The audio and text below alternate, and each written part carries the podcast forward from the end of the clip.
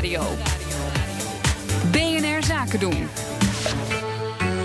Ondernemersdesk. Een goede CEO heeft veel talenten, maar moet waken voor zelfoverschatting. Dat CEO's iets te veel in zichzelf gaan geloven, dat is een wijdverspreid probleem. Vertelt psychiater Bram Bakker aan Conor Clerks in de Ondernemersdesk Kansen en Risico's.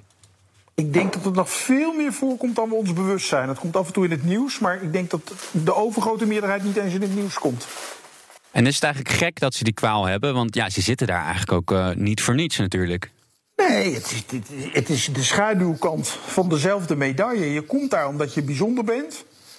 En ja, gek genoeg gaan mensen dan geloven dat ze het ook echt zijn. Denk, denk aan, aan een profvoetballer van 17 met heel veel talent.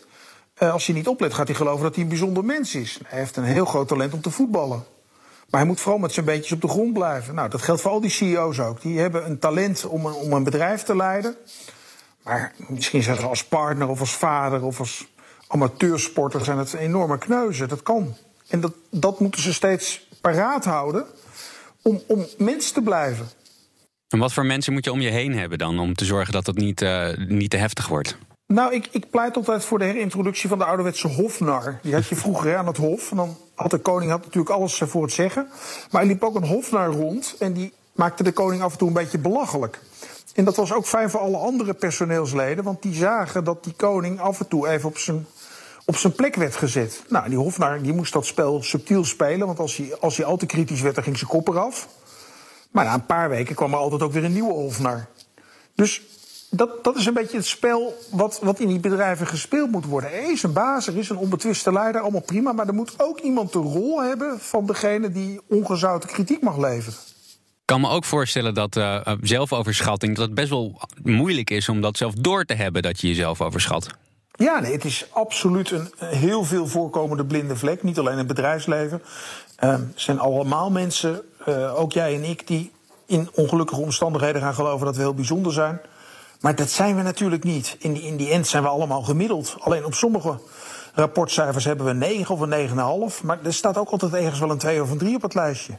En wat kun je binnen het bedrijf doen om, uh, om je hier tegen te wapenen?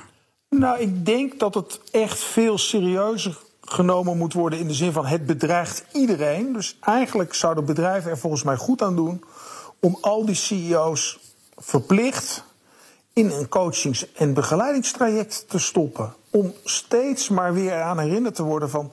je bent bijzonder, je doet iets bijzonders... maar je bent ook een gewone sterveling en aan het eind van de dag kom je thuis en daar ben je gewoon de vader van een gezin of, of, of de partner van iemand of hè, whatever. Uh, het kind, hè, dat werkt ook vaak. CEO's blijven altijd kinderen ook in de relatie met hun ouders.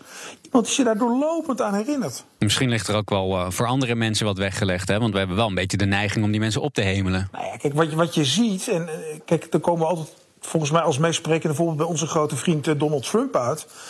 Ehm, dat iedereen die kritiek heeft, die wordt verwijderd. En, en de gekkigheid wordt geleidelijk steeds groter, omdat, omdat het tegengas ontbreekt. En ik denk dat, hè, ook al vind je dat Trump hele goede dingen doet, dat iedereen wel begrijpt dat Trump nog vrij weinig tegengas meer krijgt. Want al die mensen die ooit iets hebben gedaan bij hem en kritisch over hem waren, die zijn of zelf vertrokken of eruit gezet. Nou, uh, het netto resultaat is, wordt te weinig geremd. Dat, dat is niet fijn. Dat gaat altijd mis. Conor Clerks in gesprek met psychiater Bram Bakker. Heb je nou zelf CEO-ambities? Luister dan de Ondernemersdesk terug als podcast via onze site of de BNR-app. Daar vind je ook alle andere en eerdere afleveringen. Ondernemersdesk Kansen en Risico wordt mede mogelijk gemaakt door Atradius. Verzekerd van betaling.